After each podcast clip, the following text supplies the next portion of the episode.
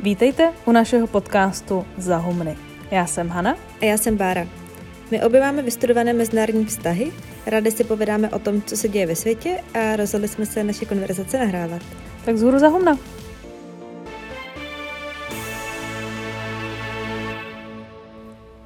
Jestli na něco budeme vzpomínat ve spojitosti s rokem 2020, samozřejmě za předpokladu, že nepřijde nějaká další pohroma, bude to kromě covidu nejspíš intenzivní diskuze o rasismu. Ač problém s ním má celá řada zemí, tak pro Spojené státy jde kvůli historii otroctví, ale i vztahu k původním obyvatelům o otázku obzvlášť palčivou a intenzivní. A my jsme se dneska rozhodli zarámovat situaci afroameričanů v Americe a současné protesty tím, že se podíváme na historický vývoj a postavení afroameričanů ve společnosti. Slibujeme si od toho hlavně nějaké významové naplnění toho termínu rasismus, který aspoň podle našeho pocitu má u nás už trochu posunutý význam. A za druhé je vždycky lepší se na nějaký problém dívat skrze data a historii, než jenom skrze černé čtverečky na Instagramu.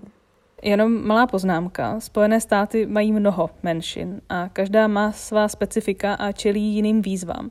Ať už jsou to lidé bez legálního pobytu, většinou z Jižní Ameriky, a nebo třeba v minulosti Japonci. My se dneska podíváme čistě jenom na afroameričany, ale s tím vědomím, že to není celá story. Pojďme tak nejdřív začít s chrnutím toho, co se vlastně v USA v posledních týdnech stalo – respektive proč se teď vůbec budeme bavit o věcech jako rasismus nebo socioekonomické rozdíly. Tím hlavním argumentem celé epizody bude, že nic z toho, co se v USA dneska děje, není nějaký blesk z čistého nebe. A je zatím historie, tradice a kontext, bez kterých není možný současným protestům porozumět. Nicméně je tady ta bezprostřední příčina, ta pomyslná rozbuška, a tou se stala smrt afroameričana George Floyda. Floyd zemřel 25. května v americkém Minneapolis, poté co ho zadržel bílý policista kvůli údajnému placení falešnou bankovkou. Policista mu téměř 9 minut klečel na krku, během čehož několikrát říkal, že nemůže dýchat, načež následně zemřel na udušení. Celá událost byla natočená, video se začalo šířit a s tím i lidé, co vešli do ulic demonstrovat za spravedlnost pro George Floyda a následně obecně za spravedlnost vůči menšinám, postiženým přílišnou policejní brutalitou. Floyd totiž zdaleka, zdaleka nebyl prvním afroameričanem, jehož život byl ukončen za takhle tragických okolností. Těch případů je spousta a jména se v médiích skloňují často a, to je dobře, ale není to jenom o policejní brutalitě. Ty protesty totiž nejsou motivované jenom Floydovou smrtí, nebo smrtí Briony Taylor nebo Ahmad Aubreyho. Vlastně tam vyplula na povrch frustrace, která se sbírala doslova po staletí. A tak není divu, že současné Black Lives Matter protesty jsou podle New York Times největším hnutím v amerických dějinách. Protože v posledních týdnech se nějaké demonstrace účastnilo někde mezi 15, což je ten nejkonzervativnější odhad od Pew Research, a 26 miliony Američanů. Tohle číslo odhaduje eh, Kaiser Family Foundation. U tohohle tématu je historický kontext naprosto zásadní pro pochopení té situace dnes. Takže si dovolíme trochu obsáhlejší historickou pasáž, jak to vlastně s afroameričany v USA bylo. A začneme úplně na začátku otroctvím. Odhady celkového počtu otroků dovezených z Afriky se liší. Asi nejspolehlivější údaj je následující – Mezi 16. a 19. stoletím bylo z Afriky odvezeno asi 12,5 milionů lidí. Z toho 10,7 milionů přežilo cestu přes Atlantik. Což si přímo říká o to, že to srovnáme s Českou republikou. Takže ekvivalent jedné celé České republiky přežil cestu přes oceán. A ti lidé tam v různě strašných podmínkách pracovali na tabákových, cukerných nebo bavlníkových plantážích. Otroci se ale vozili do celého, v té době zvaného Nového světa, a co je dost překvapivé, tak odhad dovozu do Spojených států je nějakých 388 tisíc lidí, takže jenom nějaká 3%. Mimochodem, asi polovina všech otroků byla odvezena do Karibiku a 41% do Brazílie. I když je samozřejmě nutné dodat, že tohle všechno jsou jenom odhady. A vůbec obchod s otroky je o mnoho složitější. Byl to doopravdy obchod jako s každou jinou komoditou a s Evropany obchodovali přímo Afričané. A lodě jezdily vlastně v trojúhelníku mezi Evropou, Afrikou a Novým světem. A každý kontinent měl něco, co chtěl ten další. No, prostě celé to není úplně hezká kapitola lidských dějin. Stačí k tomu říct, že průměrná doba dožití na těch brazilských cukerných plantážích byla 23 let pro otroka. Tím teda trošku utíkáme, protože my se chceme bavit vyloženě jenom o Spojených státech. A ta afroamerická historie Spojených států začala konkrétně v roce 1619, kdy do dnešního státu Virginia přijelo 20 Afričanů. A pak už se rozjel obchod s otroky, jak jsme o něm teď mluvili. A jak se na jihu Spojených států dařilo obchodu s bavlnou, mimo jiné díky vynálezu takzvaného vyzrňovače, tak těch otroků postupně přibývalo. Afričtí otroci měli v porovnání třeba se zmíněnou Brazílií poměrně, no, to slovo je důležité, dobré podmínky v rámci možností toho, teda, že jste něčí majetek. Což vedlo k tomu, že mohli mít děti. A to bylo na druhou stranu pak systematicky zneužíváno, protože když byl v roce 1808 dovoz otroků zakázán, tak se jediným způsobem, jak mít víc otroků, stala jejich vlastní porodnost. Takže sexuální zneužívání, nucená manželství, nucená těhotenství, to všechno se dělo. Wikipedia se zlomku z toho věnuje pod heslem Slave Breeding in the USA, což je, což je prostě strašný, strašný slovní spojení. Každopádně, počet otroků taky navzdory ukončení jejich dovozu rostl. A v roce 1860, těsně před občanskou válkou, bylo v USA zhruba 4 miliony lidí afroamerického původu. Z toho půl milionu svobodných a zbytek otroci. A třeba na jihu tvořili afroameričané až jednu třetinu populace. Když už jsme zmínili občanskou válku, je na místě se podívat na to, jakou roli hrála otázka otroctví v americké politice. Občanská válka, která probíhala v letech 1861 až 65, vypukla hlavně kvůli otroctví. Nicméně otroctví bylo přítomné v americké politice od samého začátku. Té otázce se prostě nešlo vyhnout. Takže například, když se v roce 1787 ve Filadelfii psala ústava, tak na otázce otroctví to málem stroskotalo a žádná ústava nebyla. Bohužel ne úplně kvůli tomu, že někdo tak tvrdě prosazoval zrušení otroctví, ale kvůli tomu, že se hádali o tom, jak otroky započítávat. V okamžiku, kdy vlastně poslance v dolní komoře parlamentu rozdělujete podle obyvatel jednotlivých států. Což je systém, na kterým tehdy vymysleli, že bude fungovat americká sněmovna reprezentantů. Vlastně víc lidnaté státy budou mít víc poslanců, tak to funguje dodnes. A teď ta otázka ale byla, co dělat s otroky. Jsou to sice lidé, ale ne občané, je to majetek. A vlastně nakonec se ve Filadelfii shodli na takzvaném třípětinovém kompromisu, kde byli jako lidé počítáni pouze tři z pěti otroků, kteří se pak připočetli k bílé populaci státu a na základě toho vznikl ten počet poslanců. Dneska se vede velká debata o tom, jak přistupovat a interpretovat všechny tyhle zakládající dokumenty Spojených států, ústavu, deklaraci nezávislosti a tak dále, které mluví o nějakých ideálech rovnosti, ale zároveň vznikly a vytvořily společnost, která po dlouhou dobu aktivně bránila instituci otroctví a odepření občanství a práv části společnosti. Stejná debata se vede i o přístupu a dědictví těch tzv. otců zakladatelů, kdy oni artikulovali mnohdy krásně a inspirativně různé ideály a přitom třeba vlastnili stovky otroků.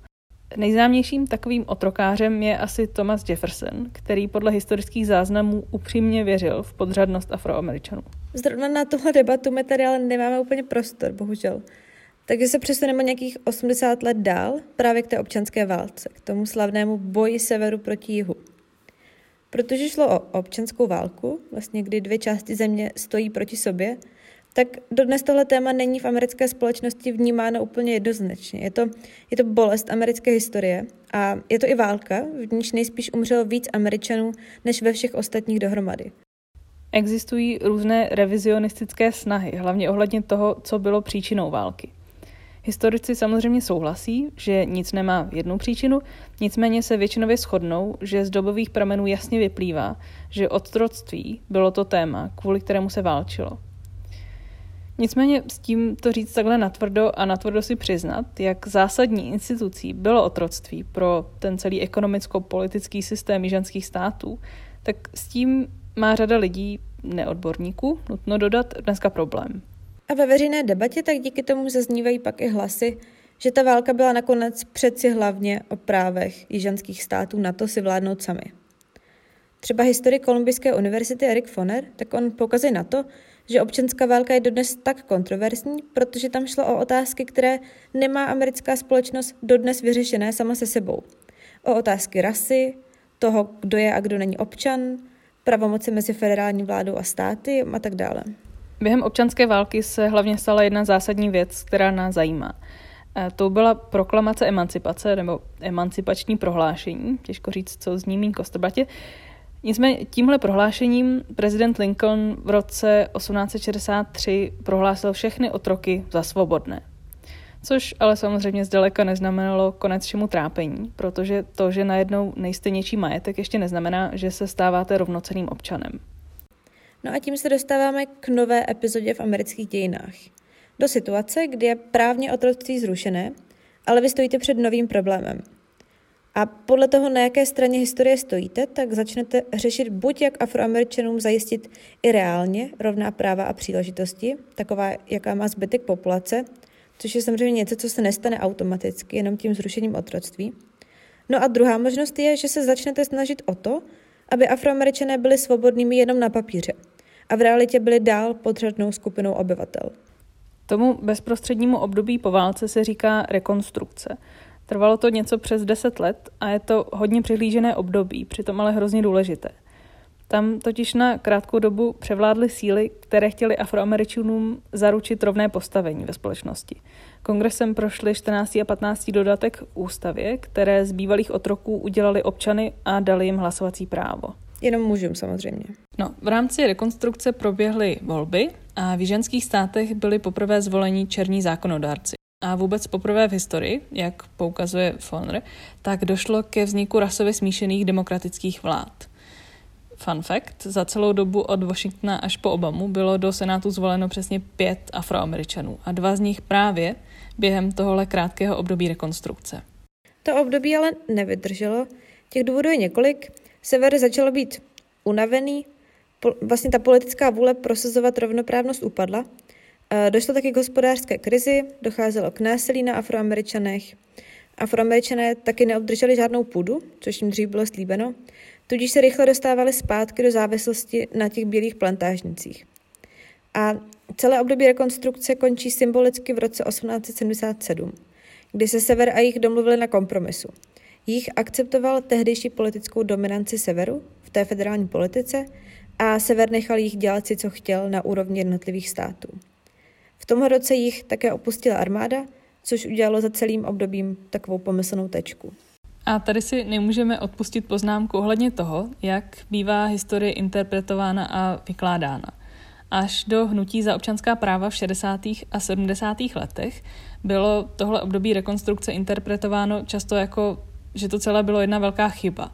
Byla chyba dát afroameričanům volební právo, protože ho evidentně neuměli správně používat, a byla chyba, že sever tlačil na jich, aby zrovnoprávnil afroameričany, protože tomu vlastně moc nerozuměl. Nerozuměl, jak rasové soužití funguje a natropil víc škody než užitku. Obě tyhle interpretace byly v těch 60. letech odvrženy. Nicméně to ale neznamená, že zcela vymizely z veřejné debaty. Když se podíváme na to, jak se vlastně podařilo docílit toho, že afroameričané byli zpátky uvězněni v těch potřebných pozicích ve společnosti, tak uh, určitě je nutné zmínit roli, kterou hrálo násilí. Na jihu došlo k zakládání všech různých skupin, nejznámější z nich je samozřejmě Ku Klux Klan. A tohle období přibližně od roku 1870 do první třetiny 20. století tak, tak patří opravdu k těm jako temným v amerických dějinách, o kterých se ale moc neví. Tam docházelo k linčování, vypalování, k pogromům, Třeba podle jedné studie Guardianu, tak eh, do poloviny 20. století bylo brutálně zavražděno 6,5 tisíce afroameričanů. A teď zase blesková odbočka do současnosti. Na Donalda Trumpa se strhla vlna kritiky za to, že svůj první postkoronavirový meeting naplánoval ve městě Tulsa, kde v roce 1921 došlo k masakru desítek afroameričanů. Některé zdroje mluví až o třech stovkách. A vyrabování a zničení do té doby velmi prosperující čtvrti, kde žili. Both the date and location of President Trump's scheduled campaign rally hold deep significance, especially at a moment when the nation is again confronting its long history of racial injustice. Black Lives Matter! Next Friday is Juneteenth, an annual holiday marking the end of slavery in the U.S. And Tulsa, Oklahoma, 99 years ago this month, witnessed what's described as the single worst incident of racial violence in American history. No a příznačně celá ta událost pak byla víceméně vytlačena z veřejné paměti a hrozně dlouho se o ní nemluvilo. Klíčová pro udržování podřadného postavení Afroameričanů ale byla i legislativa. Po občanské válce začaly vznikat tzv. zákony Jima Crowa, jejich cílem bylo zákonně zamezit nějakému progresu Afroameričanů ve společnosti a držet je stranou od bílé většiny. Nutno dodat, že Jim Crow nebyl nějaký senátor, ale blackface karikatura Černocha, takže u nás by se ty zákony jmenovaly Dežovy zákony nebo tak něco. V těch zákonech zároveň šlo i o omezení práv, která jim přitom byla po válce přiznána v ústavě. Takže třeba právo volit se omezilo tak, že jste zavedli různé testy gramotnosti. Segregace afroameričanů se pak uplatňovala vlastně ve všech aspektech veřejného života. Ve školství, dopravě, v muzeích, prostě všude. No a nejvyšší soud tohle všechno vesele posvětil rozsudkem v případě Plessy vs. Ferguson v roce 1896, kdy řekl, že praxe separate but equal není protiústavní. Což mělo znamenat, že pokud všichni dostávají stejnou kvalitu, tak nevadí, že je to v rámci segregace. Teoreticky tak afroamerické děti měly dostávat stejně kvalitní vzdělání jako děti v bílých školách. No, že realita byla jiná, to asi nikoho nepřekvapí a co je ještě horší, tak takhle to fungovalo až do rozsudku soudu v roce 1965, který konečně prohlásil Separate but Equal za protiústavní. Což je mimochodem jenom o rok později, než se narodila moje mamka, takže není úplně těžké si představit, že to není až zas tak dávno.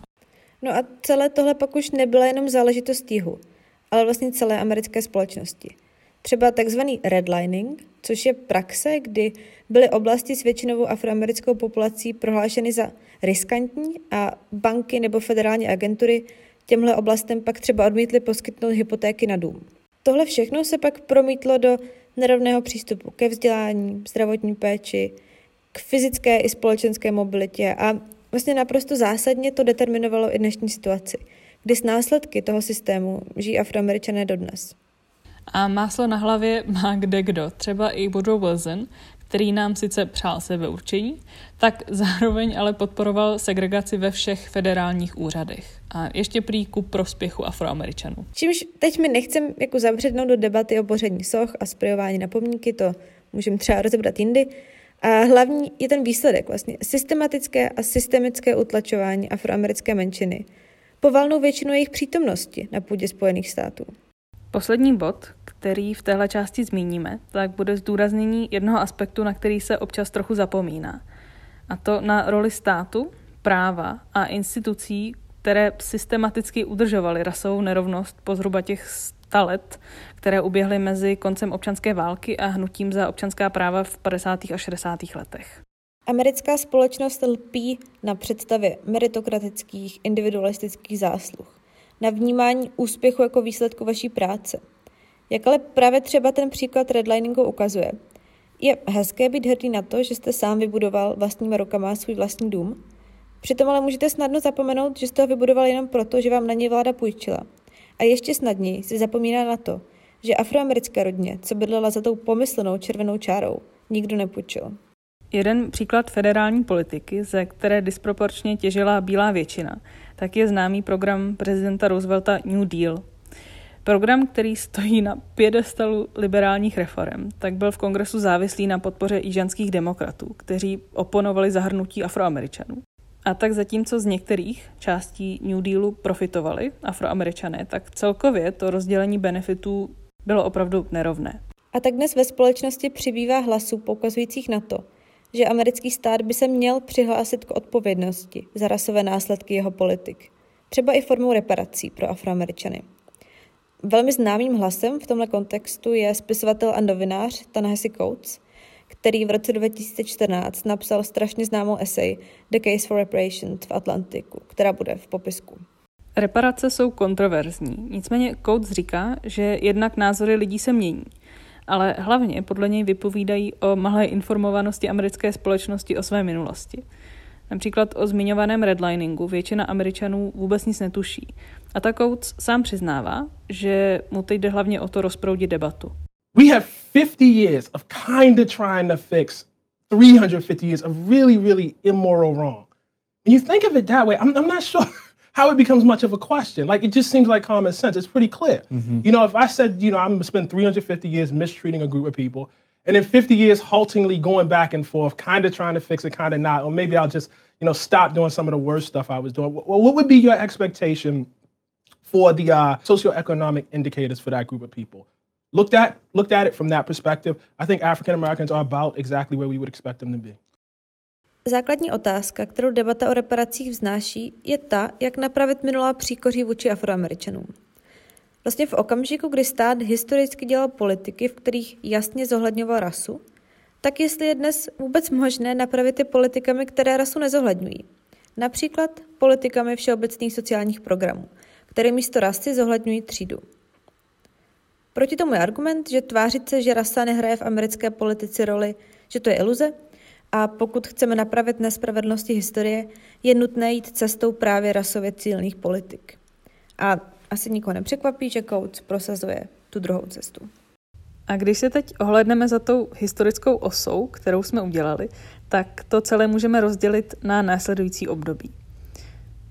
Období otroctví, kdy vlastně nebylo co řešit, občanskou válku, potom následujících 100 let, kdy otroctví bylo sice zrušené, ale afroameričané byli stále drženi v podřadném postavení, No a pak období od 50. 60. let až do dnes, což je doba, kdy pod vlivem hnutí za občanská práva došlo k ukončení státní podpory segregace a začaly vznikat programy na podporu rovného postavení afroameričanů. Jak úspěšné byly a v jaké situaci jsme dnes, tak k tomu se dostaneme za chviličku.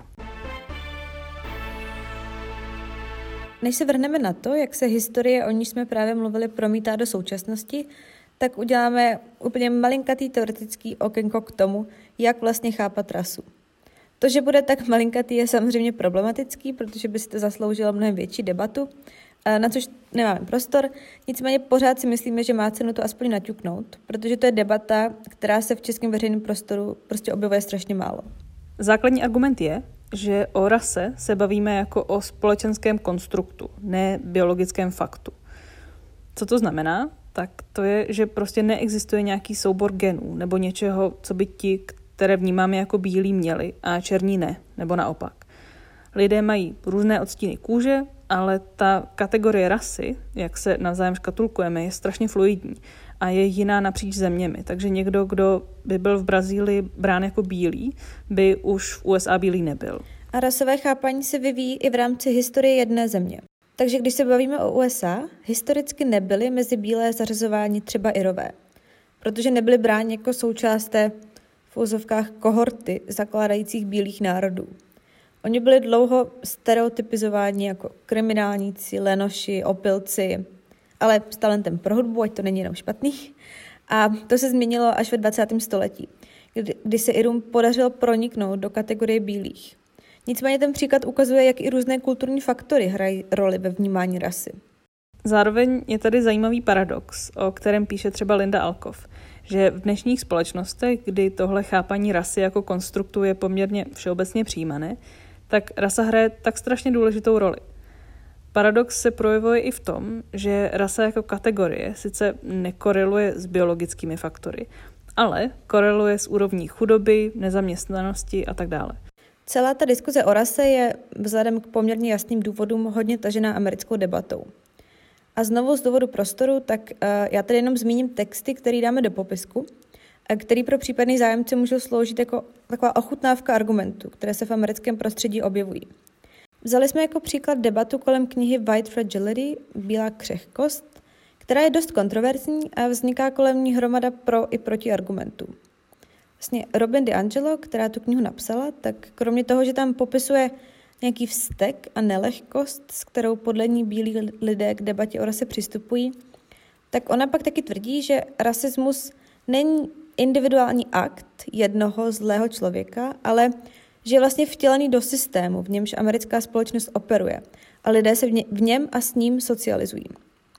A podle mě rasistické chování ze strany bílých víceméně neodstranitelné – tak silně ona si myslí, že je zakořeněné ve všech kulturních vzorcích. A podle ní jediná cesta upředu je v nějakém neustálém vzdělávání se a upozorňování na rasistické praktiky. Tenhle argument je ale kritizován kvůli tomu, že až fetišizuje rasu, respektive že lidi redukuje pouze na chodící zástupce různých ras. Přičemž lidé mají různé identity. No a pak kritici také tvrdí, že s takovýmhle přístupem nejde budovat harmonická multirasová společnost a vede to jenom k rozpadu společnosti. No, jak jsme říkali, ta debata je zajímavá, tak koukněte do odkazu, jestli vás to zajímá, je tam pár textů. Tuhle poslední část epizody jsme si pracovně nazvali Gaps všeho druhu. Teď se totiž z historií a teorií v zádech vrhneme na to, jaká je situace Afroameričanů dnes. Co těmi gaps myslíme? To jsou vlastně mezery, které jsou právě výsledkem celé té historie. A jsou to mezery tak do očí bíjící a na datech dokázané, že se prostě nemohli nepodepsat na nějaké kolektivní psyché Afroameričanů. Takže za prvé začneme u toho základního, u příjmu. Úplně jednoduchá statistika. Na každý dolar, který si vydělá bílá americká domácnost, si afroamerická vydělá jenom 59 centů. Přispívá k tomu mnoho okolností, které se schrnují pod slovíčka systemic racism, ale jde o to, že pro afroameričany je těžší si najít práci, jejich míra nezaměstnanosti je dvakrát tak vysoká jako u bílých američanů a když už si ji najdou, tak je to práce v průměru hůře placená a s horšími podmínkami. Odlišná je i kupní síla. Za stejný dolar si chudí američané v určitých oblastech koupí méně zboží i služeb. Takže třeba vaše směrovací číslo automaticky určuje, co si můžete a nemůžete koupit. A v místech, kde se koncentrují chudí a menšiny, tak jsou ceny víceméně všeho prostě vyšší. Například harvardský profesor David Williams v podcastu u Ezry Kleina tak mluví o své osobní zkušenosti, kdy zjistil, že pojištění na stejné auto ho stálo o 40% méně poté, co se přestěhoval do bohatší čtvrti, kde byla i nižší kriminalita. A i když se to všechno sejde dobře a příjmy jsou na stejné úrovni mezi afroameričany a bílými, tak nerovnosti přetrvávají v kumulovaných příjmech, čili za druhé bohatství ne- nebo majetek. Ve Spojených státech obecně je to s nerovností dost zlý. Třeba 1% nejbohatších lidí vlastní víc majetku než celá střední třída, na který údajně stojí ta demokracie. Co navíc té situaci opravdu nepomohlo, byla finanční krize před 12 lety, a ta současná probíhající tomu rozhodně nepomůže taky. Afroameričané, nepřekvapivě, jsou na tom v porovnání s většinou opět hůř. V roce 2016 byl průměrný majetek bílé rodiny 919 tisíc dolarů. Průměrná afroamerická rodina měla o 700 tisíc dolarů méně, 140 tisíc. Což je sedmkrát méně. A tenhle údaj se v podstatě nezměnil od 60. let a nebo ještě jinak s tím jedním dolarem bílé rodiny. Tady má průměrná afroamerická domácnost jen 10 centů v porovnání k tomu jednomu dolaru. Důvodem opět je systematické bránění afroameričanům majetek kumulovat. Mluvili jsme o segregaci a redliningu, neustálým podfinancováním chudších čtvrtí, historické vlastnictví půdy bílými, ale je to i o té mezeře v příjmech. Afroamerické rodiny mají také mnohem menší pravděpodobnost, že bydlí ve vlastním. 68 versus 42% A když už ve vlastním bydlet chtějí a vezmou si hypotéku, tak znovu často za mnohem horších podmínek. A to je tak jeden z důvodů, proč finanční krize, která začala právě na trhu s, hypotékami, tak moc dopadla právě na tuhle skupinu obyvatel. Ona dopadla dokonce tak trtivě, že Brandeis univerzity spočítala, že téměř lusknutím prstu zmizela celá polovina kolektivního majetku afroameričanů. Po- polovina. A jak jsme o tom mluvili v minulé epizodě o základním nepodmíněném příjmu, tak často platí to, že musíte v první řadě mít bohatství a majetek, které následně generují vzdělání a lepší život, a ne naopak. Čím se dostáváme k třetí mezeře a to je ve vzdělání. Tady je na začátek potřeba říct, že zásadní rozhodnutí nejvyššího soudu, a to v případu z roku 1954 Brown v Board of Education – které vyústilo v to, že už 66 let je povoleno, aby afroameričané sdíleli s bílými dětmi jednu školu. I tady data hovoří poměrně jasně, i když některá měření jsou trochu problematická. Ve Spojených státech se často používá NAEP, Národní hodnocení vzdělávacího pokroku, kde děti dostanou test z matematiky a čtení a celostátně se pak porovnávají. Už od 70. let, kdy měření začalo, je tam vytrvalá mezera a i když se od té doby zmenšila asi o čtvrtinu ve čtení a o sedminu v matematice, tak rozdíly mezi bílými a afroameričany přetrvávají. A když se k tomu přidají statistiky jako známky obecně, míra dokončení střední školy nebo studium na vysoké škole, které je ve Spojených státech obří finanční zátěží a afroameričané mají samozřejmě mnohem větší míru zadlužení kvůli tomu studiu než jiné skupiny, tak se mnoho těch problémů jenom reprodukuje a afroameričané systematicky zaostávají. Takže jednak tam je evidentně problém, který systematicky znevýhodňuje některé studenty, nebo ti studenti nemají odpovídající podmínky, protože jsou často v nevýhodě kvůli těm předcházejícím mezerám. No a za druhé je pak otázka, co tyhle testy vlastně měří a jakým způsobem. Protože se tohle povědomí o zaostávání může taky stát takovým sebenaplňujícím se proroctvím. Což nás vrací zpátky k té psyche a k psychologii a kognitivním zkreslení. Ono se ukázalo, že pokud na nějakém testu člověk musí zaškrtnout svoji rasu, nebo je mu jinak připomenutý nějaký negativní stereotyp, který je ve společnosti zakořeněný a je slyšet z úst obyčejných lidí i prezidentů, tak to zhorší výsledky afroamerických studentů. Pokud vám totiž někdo po staletí říká, že jste hloupější, tak to nezůstane bez šrámu na vaší duši a i na tom vzdělání. Dá se na to dívat i jinak, než na nějakou mezeru nebo deficit. Třeba Gloria Letson Billings celou tuhle věc pojala jako dluh. Je to vlastně trochu analogie ke státnímu rozpočtu. Deficit je důležitý, ale ten pravý průšvih je to, co se nazbíralo celkem, tedy dluh. Ona mluví o nutnosti celý ten problém úplně jinak zarámovat. Nemáme se na to dívat tak, že afroameričané mají dohánět bílé, dohnat tu mezeru ve vzdělání, ale že je potřeba to vidět v kontextu celkového dluhu, který americká společnost vůči afroamerické menšině má. A ten dluh je historický, politický, socioekonomický i morální. Čtvrtou mezeru pak najdeme ve zdraví a zdravotnictví. Napříč vzdělanostními skupinami bílí žijí déle než afroameričani v průměru o 3,5 roku déle, pokud nedokončí střední školu a 4,2 roku déle, pokud dokončí vysokou školu. Už zmiňovaný David Williams pracuje s tím, že jednou z příčin horších zdravotních výsledků může být právě i celoživotní stres z permanentní diskriminace a vnímání sebe sama v rámci společnosti. Stejně tak pokud trpíte mezerou 1 a 2, těmi ekonomickými, tak budete mít nejspíš horší životní styl a díky stejným mezerám budete bydlet v oblasti se špatnou zdravotní péčí. K tomu doporučujeme si poslechnout Zuzanu Bémovou v DVTV, která během pandemie líčila, jak se opravdu nechcete dostat do nemocnice v Queensu a jak chučí lidé bez zdravotního pojištění často ani nevědí, že jsou nemocní, protože je pro ně i obyčejná preventivní prohlídka v podstatě nedosažitelná. Takže když pak přijde něco jako COVID, tak je to průšvih. I českým prostorem proběhlo, jak COVID dopadá disproporčně víc a hůř na afroameričany, ať už počtu případů nebo počtu úmrtí. Jedním vysvětlením jsou všechny ty mezery ve zdraví, o kterých jsme teď mluvili, větší náchylnost ke chronickým onemocněním, při kterých má COVID horší průběh. Ale dál jsou to i všechny ty ekonomické mezery. Afroameričané prostě dělají víc práce, při kterých nemůžete zůstat doma na home office. Takže jedny data jako ilustraci, například ve státě Georgia tvoří afroameričané 16% populace, 31% infikovaných a přes 50% úmrtí. A pak je tu pátá mezera, kterou jsme pracovně nazvali občanská mezera. Doteď jsme probrali opravdu ty plošné problémy, které tak nějak sedí v pozadí a systematicky a systémově ovlivňují postavení afroameričanů. A teď se dostáváme k tomu, co jste možná ve spojitosti s protesty slyšeli nejčastěji. Každodenní trable lidí s tmavou pletí.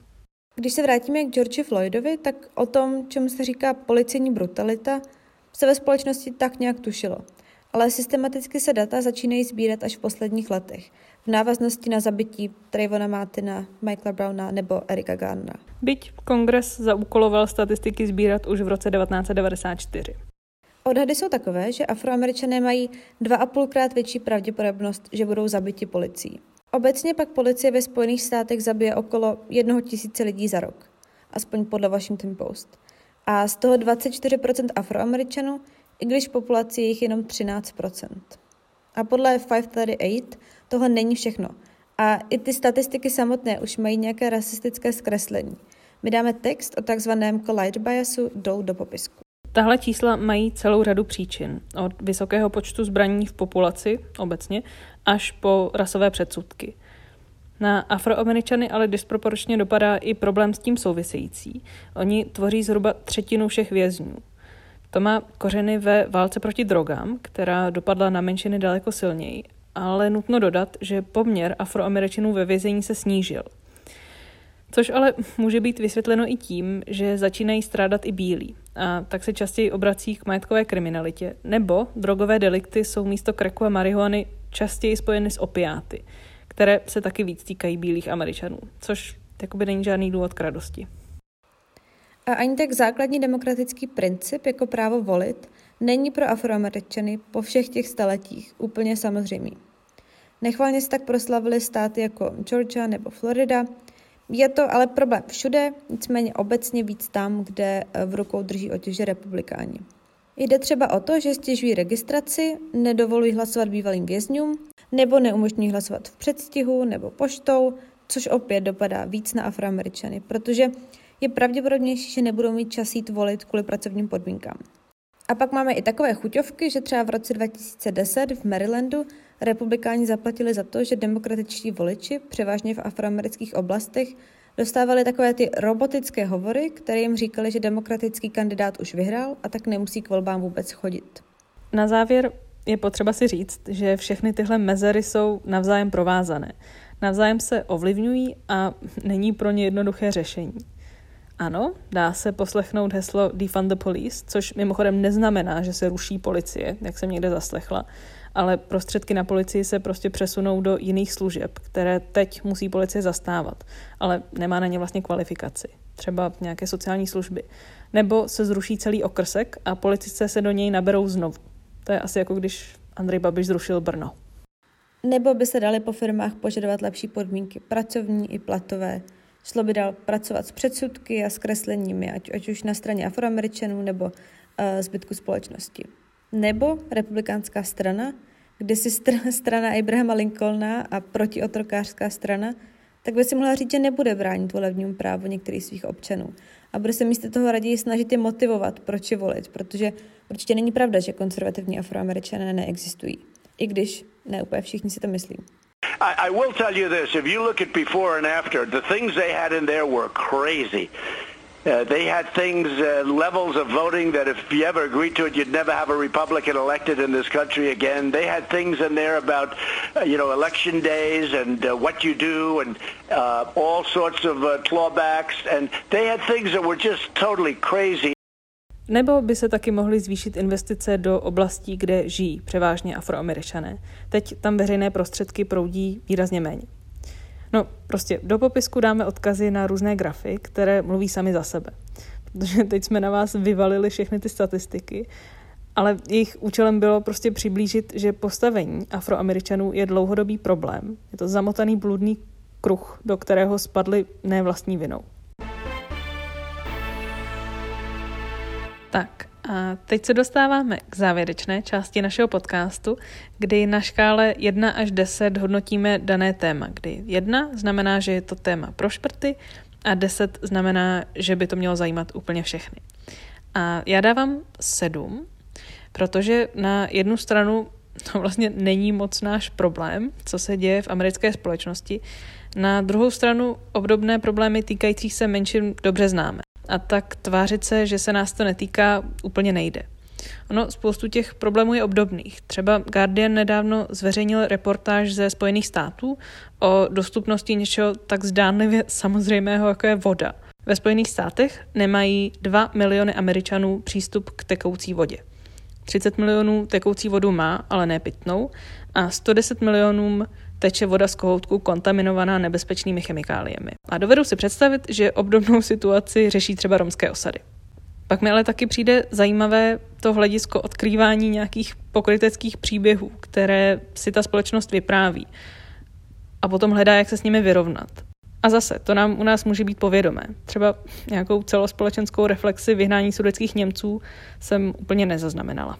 Já dávám 8 a asi proto, že podle mě jde o téma, které zákonitě nemůže v blízké budoucnosti zmizet.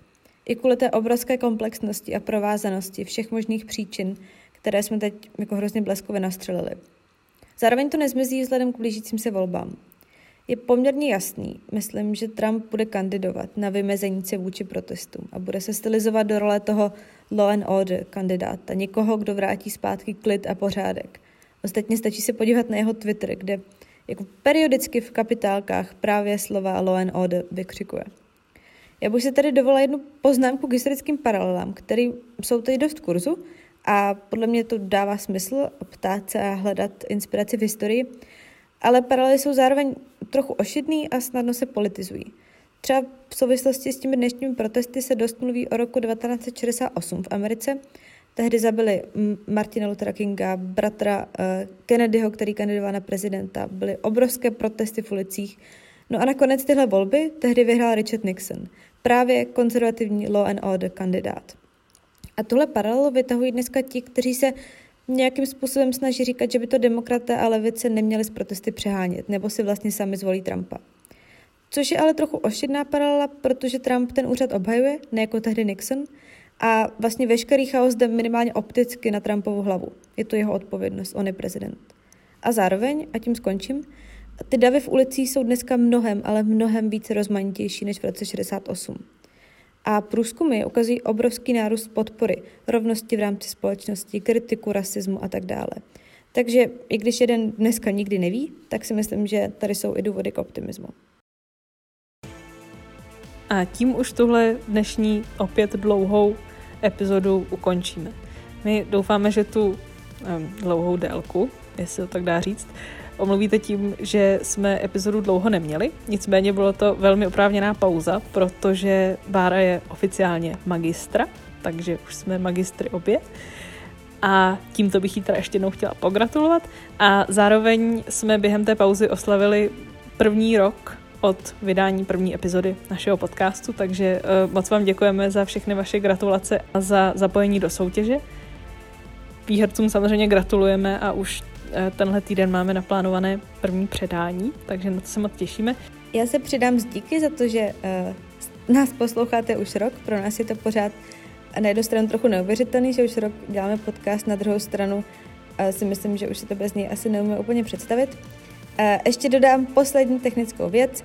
Komu přijde, že zvuk pořád není tak dobrý, jak býval, tak je to pozorný posluchač, protože my ještě kvůli uh, tomu, že jsme trošku rozcestovaný opět, tak nahráváme já v obyváku pod dekou, Hanka předpokládám někde podobně, ale od příště už se vrhneme zpátky do studia, takže už i zvuk bude dobrý a my už se prostě těšíme teď, uh, že budeme publikovat zase pravidelně. Tak příště naslyšenou. Což si přímo říká o to, že to pro mě zakročilo v břiše a se bojím, že to ten telefon vzal, tak ještě jednou.